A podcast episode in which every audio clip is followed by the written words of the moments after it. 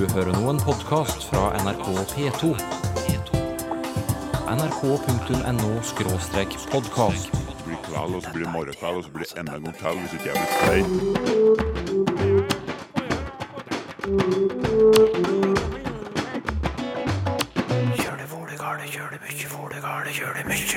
Jakten på elementærpartikler har engasjert forskere til alle tider. Men hva er den minste byggeklossen i språket? Hva tror du? Bokstavene, er Bokstaver, kanskje? Svaret ditt er litt sånn flinkis-svar. Vi skal la skjellsorda blomstre litt i dag òg, med beholdere som utgangspunkt. Ord som kvalmsekk og kåtsekk, det er jo fullt levende og litt mer moderne skjellsord. Vel møtt til Språkteigen.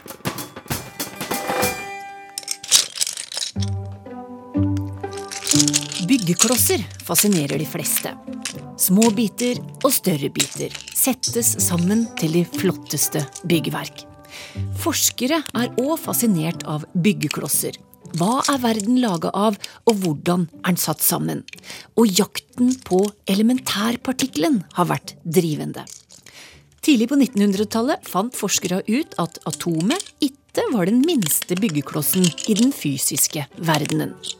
Men hva med ikke-fysiske objekter, slik som språket? Har forskere jakta på elementærpartikkelen der òg? Språkforsker Jan Christian Hognestad. Ja, det har vi faktisk. Og det er litt artig å gjøre det som du legger opp til nå, for det har ofte slått meg at hvis vi velger oss ut en periode og ser på hva ulike vitenskaper har drevet med i den perioden, så ligner de ofte litt på hverandre. Og det kan faktisk òg gjelde denne jakten på de aller minste partiklene. Men hvorfor drive med det? Hvorfor jakte på den minste byggeklossen i et språk, f.eks.? Ja, du kan så si. Eh, Hvis jeg skulle få lov å begynne litt med meg sjøl, så minner det meg nesten litt om da jeg var guttunge og tok de mekaniske lekene mine og skrudde de fra hverandre for å se hvordan de så ut inni, og for å finne ut hvordan de virka. Ja. Så det er en sånn iboende nysgjerrighet som, som alle, for, alle forskere bør ha, vel. Men så kan vi jo òg kanskje bruke det vi finner ut om språk til å si noe om hvordan og hvorfor endrer språk seg over tid, og da kan det bli litt mer konkret og litt mer håndgripelig det vi holder på med. Men hva er den minste byggeklossen i språket vårt, da? Ja, hva tror du? Er Bokstaver, da, kanskje? Eller tegn? Ja, eh, det er et ganske naturlig svar, men da tenker jeg at når du sier bokstaver, Ja. så virker det iallfall som om du tenker skrift.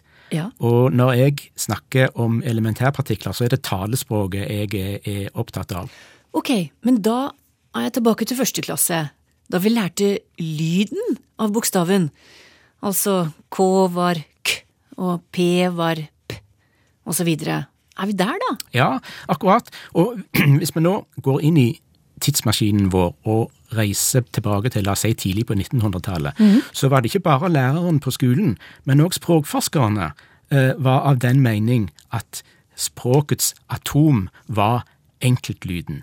Men så skjedde det noe, og her kommer vi litt tilbake til det å sammenligne med andre vitenskaper. Da har jeg lyst til å ta utgangspunkt i én enkel språklyd, og la oss ta en som både jeg og du, både Torunn og Jan, har i navnet sitt, nemlig n-konsonanten.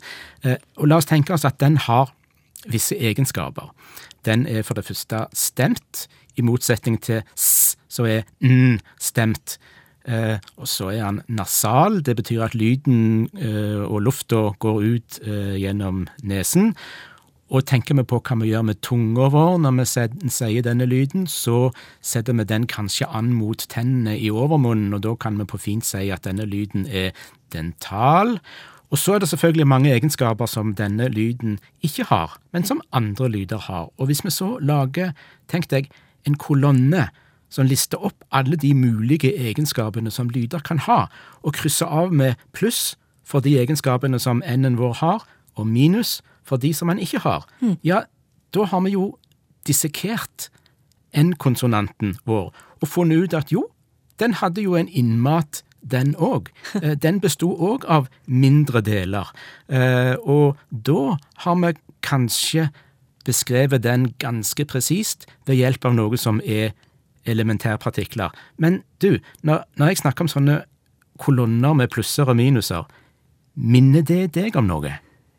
Ja, da kommer jeg fryktelig fort inn i en digital verden, da. Ja, ikke sant? Ja.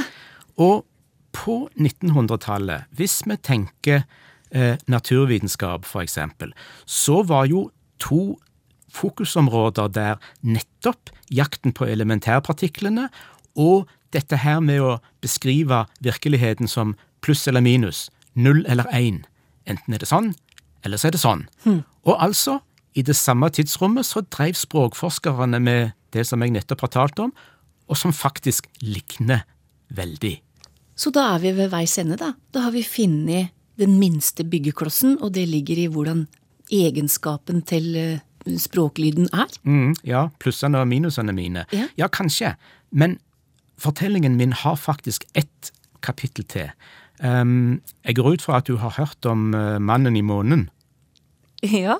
Ja. Ja. Eh, og nå er, nå er det ikke selve mannen jeg er opptatt av, men det å si akkurat eh, det uttrykket der.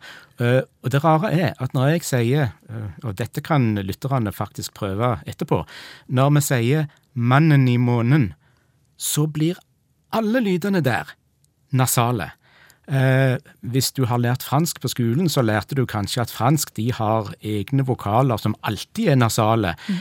og det har vi liksom ikke på norsk. Men du kan faktisk ikke si 'mannen i månen' uten at alle de norske vokalene dine òg blir pluss nasal, for å holde meg til pluss- og minus-egenskapene mine.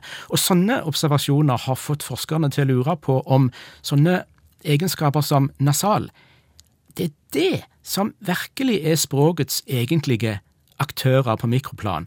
For nasalitet er noe som vi skrur på, og så varer han en stund, og så skrur man av igjen.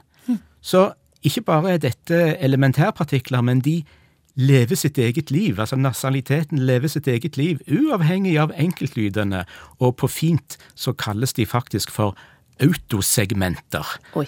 Ja. Ja. Men er dette så viktig kunnskap egentlig i språkopplæringa? Aha, nå tror, jeg, nå tror jeg kanskje du vil ha meg litt ned på bakken igjen her. Ja. og, og da innrømmer jeg glatt at i språkpedagogikken, i lese- og skrivepedagogikken, der er det nok fremdeles enkeltlyden, den, enkle, eh, den enkelte vokalen og konsonanten som er i sentrum. Ja. Alt som er mindre enn den, ja, det får forskerne eh, ta seg av. Men da er jo spørsmålet, hva bruker dere det til? Ja, kanskje kunne vi fortsette å bruke denne n-en vår som, eh, som et eksempel. Eh, der jeg bor, så er det et eh, uteområde som heter Vannbassengene. Og hørte du hva jeg sa nå? Jeg sa egentlig ikke vannbassengene, jeg sa vannbassengene. Ja. Sånn at vår kjære N ble til en M. Og hvorfor ble han det? Jo, det er nettopp fordi at han så å si ønska å dele noen egenskaper, noen plusser, med den lyden som kom etterpå, nemlig B-en. Og M-en og B-en, som jo ble resultatet her, de har denne her leppeegenskapen felles. Og skal man forklare da hvordan vannbassengene blir til vannbassengene, så må vi nettopp ned under atomnivå, under den enkelte lyd sitt nivå, og finne ut eh, hva ligger inni lyden, og hva er det der som gjør at vi får de effektene som vi får. Ja. Så rett og slett når det skjer en sånn språkutvikling, så stuper det ned i partiklene under atomene. Det gjør vi. Takk til deg, språkforsker ved Universitetet i Stavanger, Jan Christian Hognestad. Har du spørsmål til Språkteigen? Nå kan du sende inn spørsmål via SMS. Skriv Teigen, så spørsmålet ditt, og send det til 1987. Det koster ei krone per melding. Eller du kan sende e-post teigen krøllalfa nrk.no, bruke Twitter eller Facebook-sida til NRK P2. Forrige uke pratet vi om skjellsord her i Språkteigen. Språkets villblomster, som Tor Erik Gjenstad kalte dem, og som han mente var verdt å ta vare på. Din gaukværing av en tullbukk. En raverdal, ja. Humlepung. Stymper. Du din late lyr. For ikke å, å, å, ta det ganske så opplagt at det er ei skravlehøne, da. De skal få blomstre litt her hos oss framover i fem utvalgte kategorier. Og i dag tar vi for oss skjellsord basert på beholdere. Det er mange navn på slike beholdere som går inn i skjellsord. Og da, det er jo igjen ideen at du gjør mennesket til en ting, og så har du ofte et førsteledd som da forteller litt mer om egenskapen, den negative egenskapen til denne personen. Og Vi kan jo starte med, med sekk, da. Ja, Ikke sant? da vet vi veldig fort hva som kommer. Ja, det gjør jo det. Altså, du har jo det her helt allmenne og kanskje litt utbruka drittsekk, da. Ja. Det er klart, det, det er jo velkjent. Men det er en del flere sekker, da. Eh, latsekk eh, kanskje òg ganske godt kjent. Og ord som kvalmsekk og kåtsekk, det er jo fullt levende, så litt mer moderne skjellsord.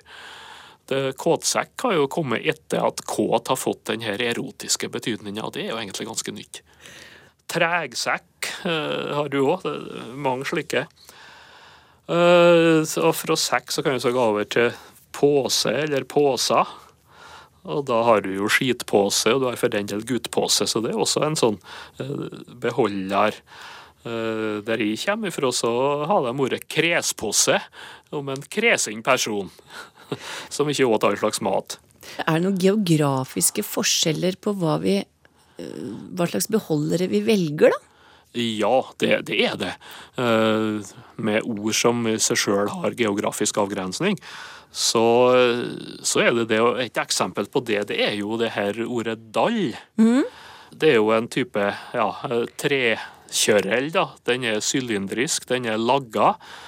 Eh, Og det, er jo det samme som i andre deler av Norge vil bli kalla for en butt, eller en holk, kanskje. Ja. Eh, Dall, det er eh, Som ord så er det jo avgrensa til det nordafjelske. En jabbdall og, og en Ja, for eksempel en snavldall er jo et typisk trøndersk skjellsord. For det, det er jo det samme som en, en som er glad i søtsaker. En godterimons, han er glad i snavl. Ja. Så der har du jo to egentlig avgrensa ord som, eh, som går i hop. Ja, for sekk er kanskje litt mer eh, for hele landet. Det er mer for hele landet. Men det, og, og pose likeens. Og, og bøtte, da, med bråkebøtte og skravlebøtte, de blir jo ganske allmenn. eh, fordi at bøtta er mer allmenn. Men du vil kunne få lokale ord med, i førsteleddet, som da vil være mer avgrensa. Jo da. laup er jo en gjenstand. Det er jo en ja, ganske liten og litt eh, rund eller oval beholder med tynne vegger. Og det er jo et otall med skjellsord som er sammensatt med laup. Kanskje mest kjent er vel skrytlaup, som er en skrytepave. Men det, trøndersk så er jo det veldig vanlig. Og så har du jo paut eller paute, som også er en beholder Det er litt forskjellig størrelse og materiale på den. Som vil bruke det faktisk om en stor kjel. Det er typisk for Helgeland, da. Eh, Og Der får du da skjellsord som ljåspaute, som vil være det samme som en tøvekopp, rett og slett. Og så har du jo kolle. Og der, eh, Da tror jeg mer du er nede på østlandsområdet med kolle eller kølle i, i skjellsord. Mm. Rørekolle og tøvekolle og vasakolle. Eh, Og det kan jo være Ei kolle det er jo også en type et kar som du har i, i rømmekolle. Men det her kan være et, en kategori som veldig fort vil endre seg, fordi det kommer til, nå kommer det jo veldig ny, mange nye beholdere. Ja ja, eh, det, det gjør jo det, så jeg har ikke sett akkurat noe tegn til, til noen nye beholderord som går inn i skjellsord, men mønsteret er jo der. Potensialet er jo der så absolutt. Vet vi noe om hvem disse skjellsordmakere er? Nei, det er nok veldig sjelden. Altså, du har uh, Ja, det går jo historier av og til om at uh, den og den personen skulle ha brukt det og det ordet først. Og i somme tilfeller så kan det nok være riktig at det er en kreativ person som har sagt det og det, kommet på helt spontant. Eh, Men det er vanskelig å finne dåp her, ja. Skrift så kan du jo finne førstebelegg, at det kommer på trykk på et eller annet vis, men da kan det jo ha levd muntlig I mange år, ja. lang tid før det nedfeller seg i skrift. Det sa språkforsker ved NTNU, Tor Erik Gjenstad. Få blod på mølla Eller det han egentlig sa var Å holde tunga i rett munn. å skille kvinten fra hveten, og bite i det sure gresset. Over grøten etter vann. hummer og kanel. Dagens uttrykk har et ord i seg som mange nok har hørt om, men som likevel er et lite mysterium. som manna fra himmelen. Ja, Det uttrykket kommer fra eh, Bibelen, fra den hebraiske bibelen spesifikt, altså Det gamle testamentet. Og eh, det er, eh, ja, det er brukt om eh, I dag så er det brukt om en hyggelig overraskelse, en, en kjærkommen gave fra noen. Hvis du er i, nød og får, får hjelp fra en uventet kilde, så, så kommer den hjelpen som manna fra himmelen. Og utgangspunktet er er ørkenvandringen til israelittene ut av Egypt. Der eh, betegner manna fra himmelen eh, den føden de fikk tildelt av Gud i form av et lag med korn som lå som fint rim på jorden. Og det var en stor overraskelse, og den kom på et tidspunkt hvor de var utsultede og, og ikke skjønte hvordan de skulle kunne fortsette vandringen. Og israelittene eh, i, i denne fortellingen så lurte de først på hva dette kornlaget var, men så fikk de instrukser fra fra Moses om å samle sammen det de kunne fortære i løpet av en dag. For morgenen etter så skulle det komme en eh, ny forsyning. Og det er litt vanskelig å vite egentlig hva eh, mannen var for noe. Eh, hva slags type korn det var, og hvordan det så ut, og hvilken vekst det skal ha kommet fra. Så det er et stort forskningsfelt, faktisk. Men i fjerde Mosebok så står det å lese at den lignet korianderfrø og en type kvae, det som kalles bedola kvae som kanskje var en avart av den eh, litt mer berømte myrraen. Og disse, eller denne mannen da kunne males og kokes i en gryte, og så kunne den brukes til å lage en slags eh, kake eller et, eh, eller et brød. Men fortellingen om israelittene er det jo mange som har hørt, så sjølve ordet skulle jo være litt kjent?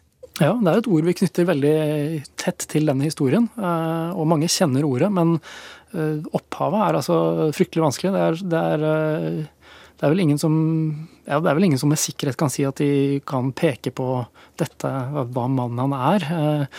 Og det er mange planter og vekster og, og sånn som har fått navnet etter mannen, men det er ikke fordi Det er mer en sånn teori på bakgrunn av teorier man har laget i etterkant. At man har tenkt at uh, dette her er antagelig det samme som mannen i Bibelen, men uh, det, vet man, uh, det, vet man, ikke helt.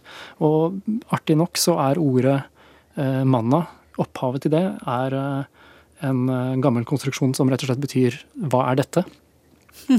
Så i en tidlig bibeloversettelse så, så, har man oversatt det med en fotnote og sagt at her dreier det seg om manna, eller manu, som var, var opprinnelsen. Og så har man lagt til en kommentar som sier og dette betyr hva er dette? Så eh, en måte å, å, omskrive dette på er at manna rett og slett er det samme som hæ? Det er ingen som egentlig vet. Uh, og det var nok reaksjonen uh, israelittene hadde også når de så dette, så dette, kornlaget på bakken og skjønte at plutselig hadde de fått manna fra himmelen. Men uh, det var ikke godt å si hva det var eller hvor det kom fra. Det gjør det jo ikke spesielt mye lettere for oss i dag å, å vite, helt, vite hva det dreier seg om. Så hva er det som kommer ned fra himmelen som en variant for oss, da? Nei, nå, nå, er det mye hjelp å få i foreldre, da, mer enn kanskje Gud for noen. Altså, da, da, handler det om at noe kommer som mamma fra himmelen isteden.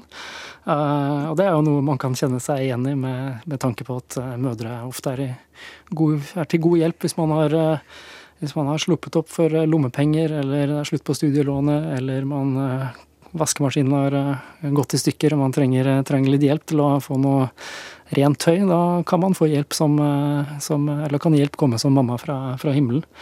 Vi har også en variant i egennavnet Nanna, som ligner kanskje enda mer lydmessig, da, sånn at du får som Nanna fra himmelen. Og det kan godt være at det er en det en, finnes en historie der ute om en veldig hjelpsom og hyggelig Nanna som, som, bidrar i alle mulige sammenhenger og dermed oppleves som gudesendt. Men uh, ja, det er litt, litt sjeldnere enn en den opprinnelige varianten med manna. Da.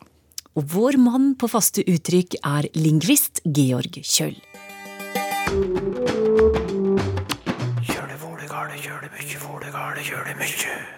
Sylfest Lomheim skal svare på lytterspørsmål i dag, og det er sju år gamle Sigurd som slipper til først. Han spør hvorfor har vi banneord?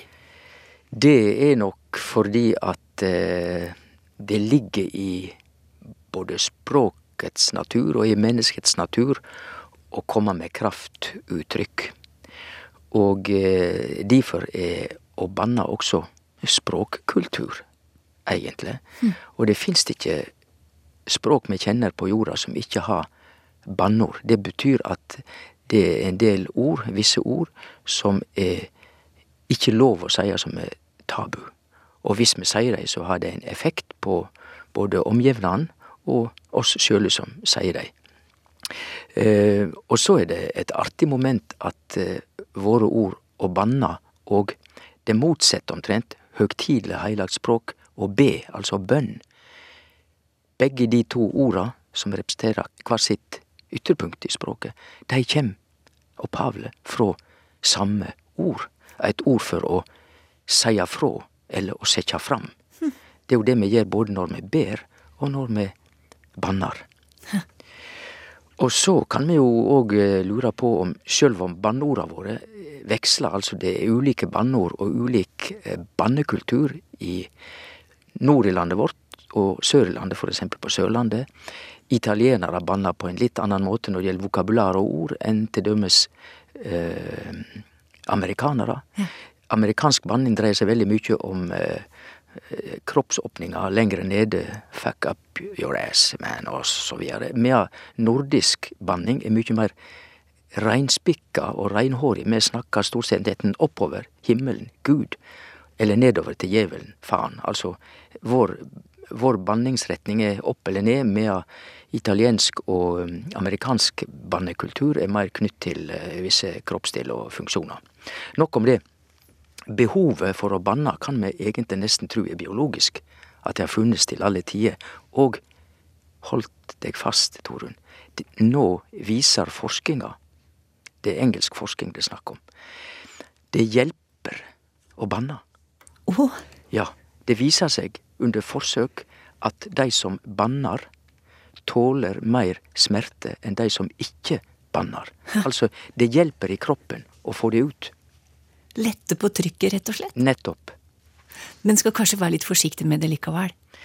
Skal ikke overdrive. Man bør jo helst eh, ha kontroll på temperamentet sitt, og det er klart at du, du bannar ikke i Helt uavhengig av hva slags situasjon eh, du er i. Hvor kommer ordet snusfornuft fra? Har det noe med snus å gjøre, spør Bård Midtbø. Og da er svaret ja. Og svaret er også nei. Ja. For det er klart at snus og snusfornuftig er i slekt. Men eh, det er heller slik at eh, det er snusfornuftig som er mer opphavlig enn ordet snus. Altså produktet snus. Fordi eh, det vi kaller snus, altså dette produktet som er putta enten i nesen eller nå under leppen, det har blitt kalla snus fordi det har med å snuse å gjøre. Og å snuse er å bruke nesen. Altså sånn. Ja. Dette mm, hører folk i radio, ikke sant? Ja.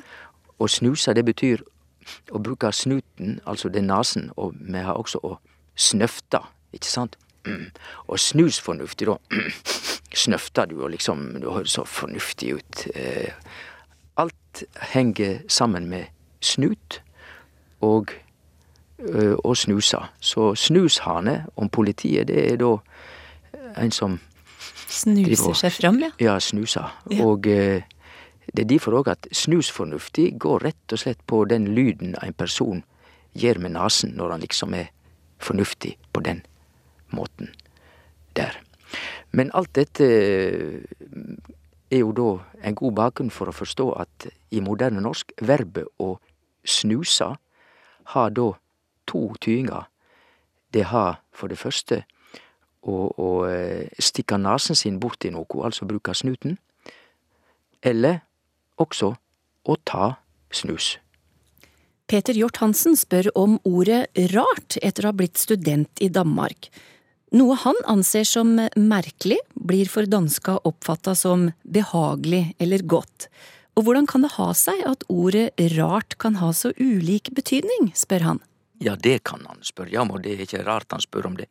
Fordi at eh, det er jo rett og slett dramatisk hvor ulik mening rar har i norsk og dansk. For å ikke si eh, skilnaden mellom norsk rar og svensk rar. Men eh, dette illustrerer bare et veldig vanlig fenomen i, i ordhistorie, nemlig at ord opp gjennom når hundreåra går, så kan orda endre mening. Og ikke bare kan, det skjer veldig, veldig ofte. Altså, rar på norsk, det betyr jo veldig pussig og ja, nesten til å le av. Det er pussig. På dansk så betyr det rett og slett noe godt og behagelig. Og i litt eldre tid så betydde det rett og slett omsorgsfull eller kjærleik. Det er sjelden nå i dansk. Og hvis vi går til svensk, for rar på svensk betyr jo rett og slett eh, trivelig og, og god og fin og ja, i det hele tatt trivelig. Og vi hører jo da òg at den svenske bruken, trivelig, ligger mykje nærare den litt klassiske, eldre danske bruken, som er kjærleg og omsorgsfull, og altså også god. Så i grunnen, det er vi som stikker oss mest ut av de tre språka i Norden. Men eh, opphavet til, eh, til eh, ordet rar er jo noe heilt anna. Da må vi til latin. Rarus på latin, og på latin betyr det rett og slett sjeldan. Og det er ingen av våre skandinaviske språk som liksom har tatt vare på den bruken. Derimot, engelskmennene Something is rare. Very rare. Der er det det samme som på latin, sjeldan. Så det er engelsk rare som virkelig har halde på den opphavlege tyinga, og så har vi i Norden gått videre og endra på meininga til rar. Det ble siste svar på lyttespørsmål i dag. Takk til deg, Sylfest Lomheim. Og med det er det bare å si takk for følget. Språkteigen er tilbake om ei uke.